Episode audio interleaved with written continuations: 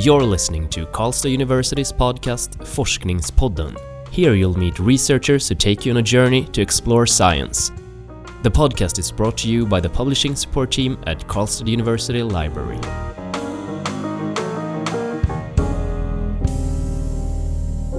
Hello and welcome. I'm Magnus. My name is Nadia. Earthquakes, hurricanes, volcano eruptions, floods, and bushfires. The two, 2017 list of natural disasters uh, is long and it has an apocalyptic ring to it. In today's episode of uh, Forskningspodden, we will discuss environmental apocalypses in fiction writing with Dr. Marinette Grimbeek.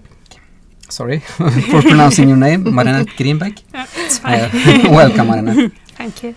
Uh, your research centers on the environmentalism of some of Margaret Atwood's novels. Uh, first of all, what led you to this specific uh, topic of research? Well, it started with um, me becoming interested in uh, a bunch of new novels, uh, English language novels, um, published since around the year 2000 on climate change. And climate change has always been a topic in science fiction, or always, but, but for a long time. And I mean, climate things you, you, can even trace back to things like the biblical flood. They, these things are part of um, West, Western culture, but in around 2000, uh, literary authors who are not science fiction uh, science fiction authors started to publish um, novels on climate change, and I found that really interesting. So I wanted to look at that, and then eventually I just stuck with Margaret Atwood because there was enough there already. Mm. Yeah. So, for someone who has not read Atwood, mm -hmm. like for example me, can you give us an idea of the characteristics of Atwood's authorship? Um, I would say that first and foremost, uh, she's she's very playful. So uh, she almost always has some kind of humorous streak in it, even even if it's very ser uh, serious subject matter. So even in very bleak novels like The Handmaid's Tale, there's quite a bit of humor. Mm. Um, maybe not enough humor to to call her work comic or, or humorous as a whole, but but there's always this streak of humor, a lot of ir irony in her work, and she she also makes use of satire a lot. So um, that's the one side, and then the other side is that she seems to have this knack of picking topics that are very topical. Mm. Um, so The Handmaid's Tale is now uh, almost oh, just over 30 years after its publication, became extremely topical again this year. Um, not just because of the new series, but also with Donald Trump becoming president yeah. in the United States. And, and she's picked these kinds of topics throughout her um, authorship, and she's been writing since the 1960s. So, so there's a lot out there as well. She's written very, very many novels. So I've, I'd say that are sort of the main things about her authorship that I find interesting. So uh, you have investigated three novels that form a trilogy: Oryx and Crake from 2003, The Year of the Flood from 2009, and MaddAddam from uh, 2013. Uh, how did you go about uh, researching these books? Well, um big question, perhaps. I don't know. Um, the books themselves uh, contain so many different tracks, so you you can take this in into so many different directions. I think mm. that's also one of the things about Mar Margaret Atwood's authorship. It's it's it's many layered in many ways. Um, so there's a lot published about Margaret Atwood, and more is being published probably as we speak. mm. so um, when I when I looked at the number of articles just on Oryx and Crake, it was I, I have it here somewhere, but it was something like 180 at the at the start oh. of last year. Um, this is almost unprecedented for an author that's still. Mm. Um, still writing and still producing works. So what I what I did was to concentrate mainly on the novels themselves to begin with, and then be I became really interested in her way of promoting these books as well because she's not just an author; she's also known as an activist for ver various causes. So, mm. in the 60s and 70s, she did a lot of campaigning for Amnesty International, for instance, and um, she's been involved in all kinds of feminist causes and for the PEN organisations, she's done work for the Writers in Prison um, section of, of that organisation. Mm. So she's been known for activism, but she's recently become known as an environmental activist. Mm-hmm. And then I became really interested in how her activism sort of draws on her novels um, to sort of to, to promote the novels, of course, on the on the one hand, but also to promote an environmental message. And then I started looking at her her activism um, around these books and her performances, the book tour for for the middle book, uh, Mhm. The Year of the Flood, which was also made into a film. Um, so I looked at those as well, and of course at um, eco criticism, which is sort of the kind of literary um, criticism field that's closest to, to what I've been doing. So you really looked at all aspects of the books, both the content and and I believe also the, for example, the dust jackets and the covers. Yes, I, I looked at the promotion of the books as Yeah. well, um, because that's also really interesting to see how environmental themes are sort of portrayed or, or on the uh, dust jackets of the book, and how Mm. this changes depends depending on country and also on on context with um, sort of republications. Um, so what is really interesting about this trilogy is that it's become more and more published uh, or promoted as environmental Ah, books. okay. So Oh, when they first came out, the, when the first novel first came out, the Canadian cover sort of had a environmental theme, but not the American or um, or the British covers. But Mm. that this has changed with republication. So Oh, yeah. interesting. Mm. So, um, what would you say are the most interesting findings that you had in your analysis of the books?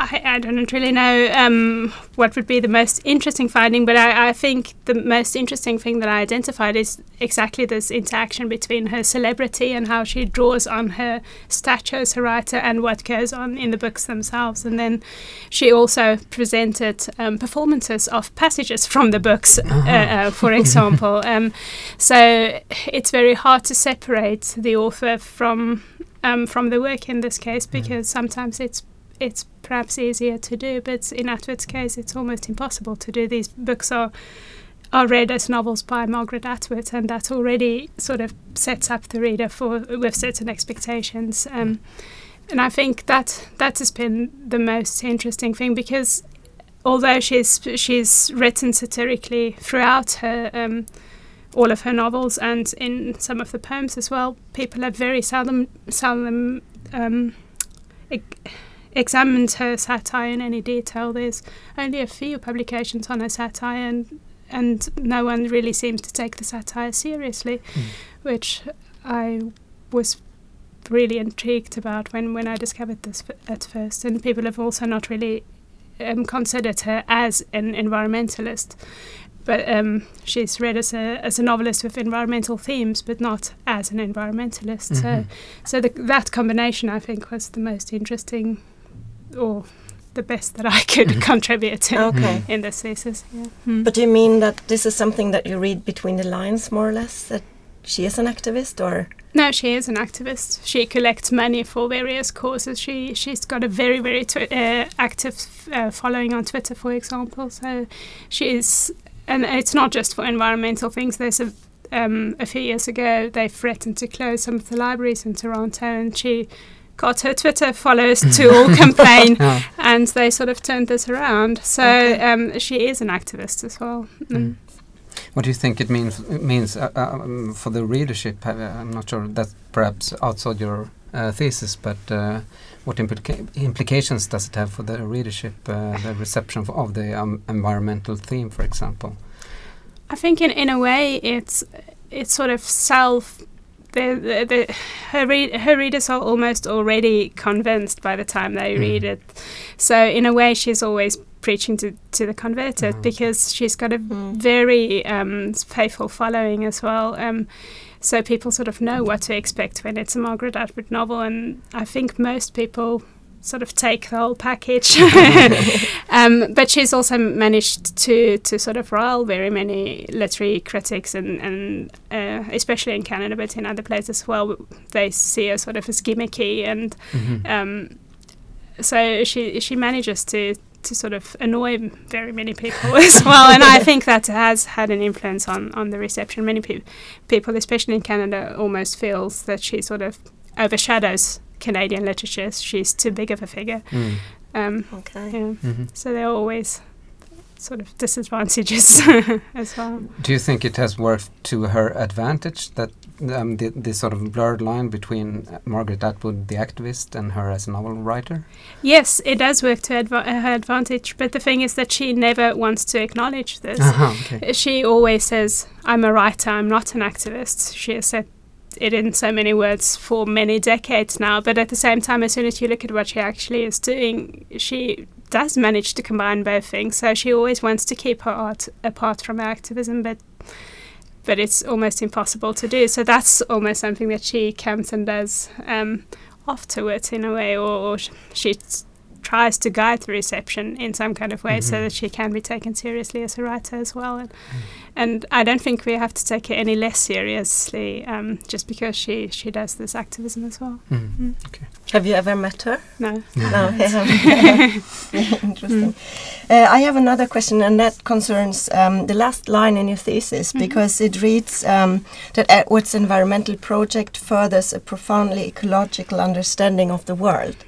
Um, could you elaborate a little bit on this? What, Yes, um, I think in illustrating both in the novels, but also in this relation between the novels and her activism, and the novels and current events, and the novels and the news, um, or maybe or, or current um, environmental problems.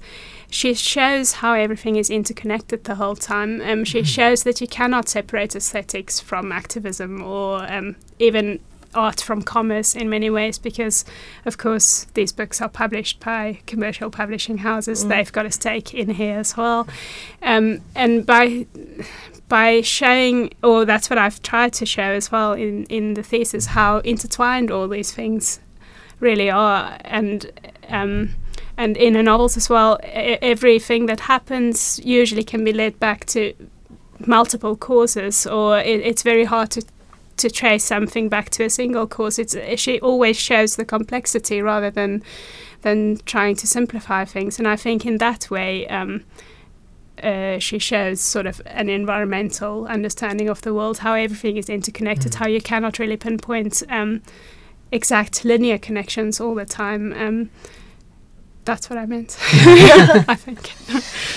and uh, to follow up on that, uh, I mean, as you mentioned uh, earlier, um, there's a, loads of research uh, on her Mm. authorship, uh, and how is this body of research tied into the, this sort of ecological understanding on, and on, or, or the rather the interconnectedness of of uh, fact and fiction, and I mean, research goes into that puzzle as well, I guess, or Yes, I guess it does. Um, I think, like many authors, she doesn't have a lot of patience for academics. I mean, I, I sometimes wonder if she does things in the novels just to see what people would write about. I don't know, but um, she is sort of devious in that way. But but um, what she she always relates her work to scientific fact.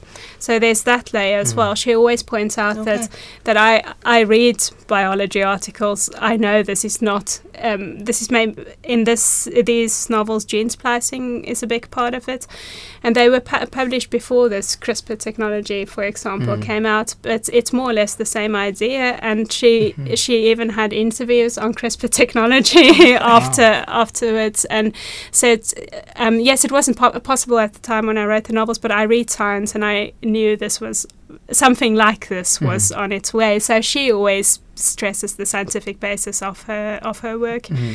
um, which is not quite what you asked, but but it it's sort of related. yeah, yeah, yeah. Um, on the other hand, there's there's a huge body of sort of Atwood scholarship, um, and I'm not sure how much she's really involved in that at all. There are very many interviews with her being published all of the time, but I don't really think that she gets involved in any other way than trying to sort of um, steer the interpretations Mm. of her novels by saying things that it's based on science. Still, it's art and not activism. Mm. She she tries to do that, but I don't think there's any other sort of feedback. And how uh, have you been affected uh, by entering into this world? And how? I mean, ha, do you think your research is mostly about her authorship or about environmentalism?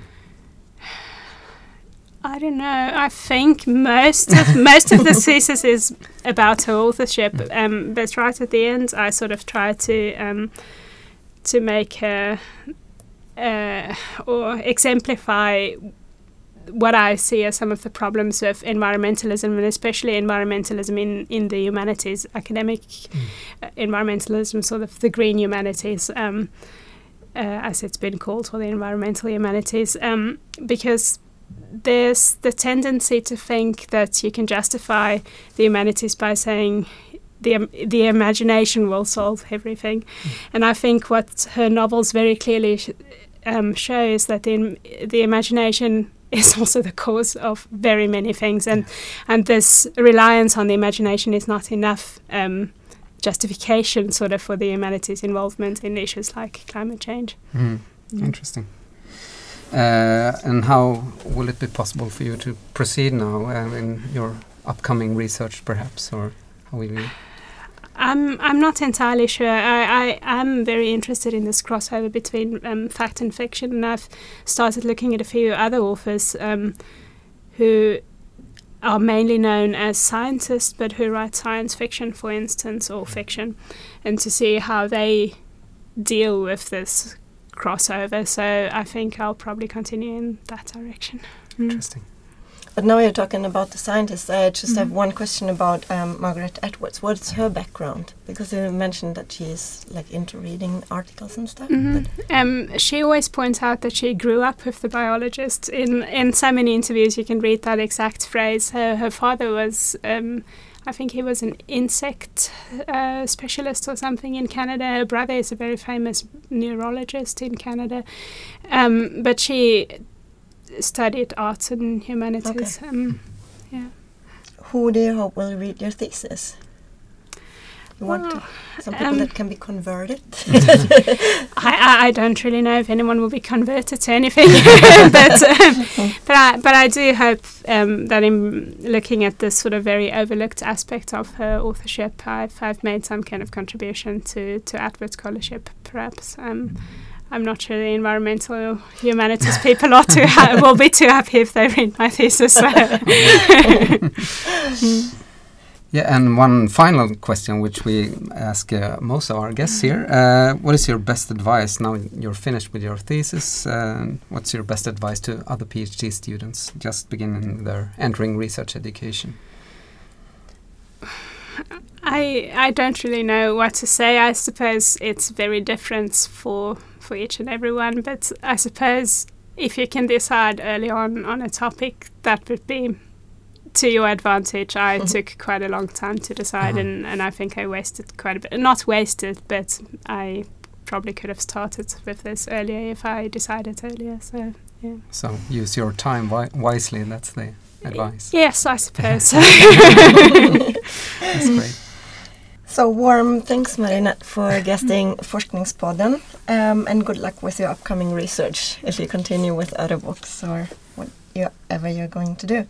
Uh, we also want to thank our listeners, and if you want to read Marinette's doctoral thesis about Margaret Margaret Atwood's envi- I- environmentalism, then you can retrieve it via our publication database DIVA or via the provided link at uh, kau.se slash forskningspodden. Thank you. You have listened to Karlstad University's podcast Forskningspodden. The podcast is brought to you by the publishing support team at Karlstad University Library. All episodes can be found at kau.se slash forskningspodden.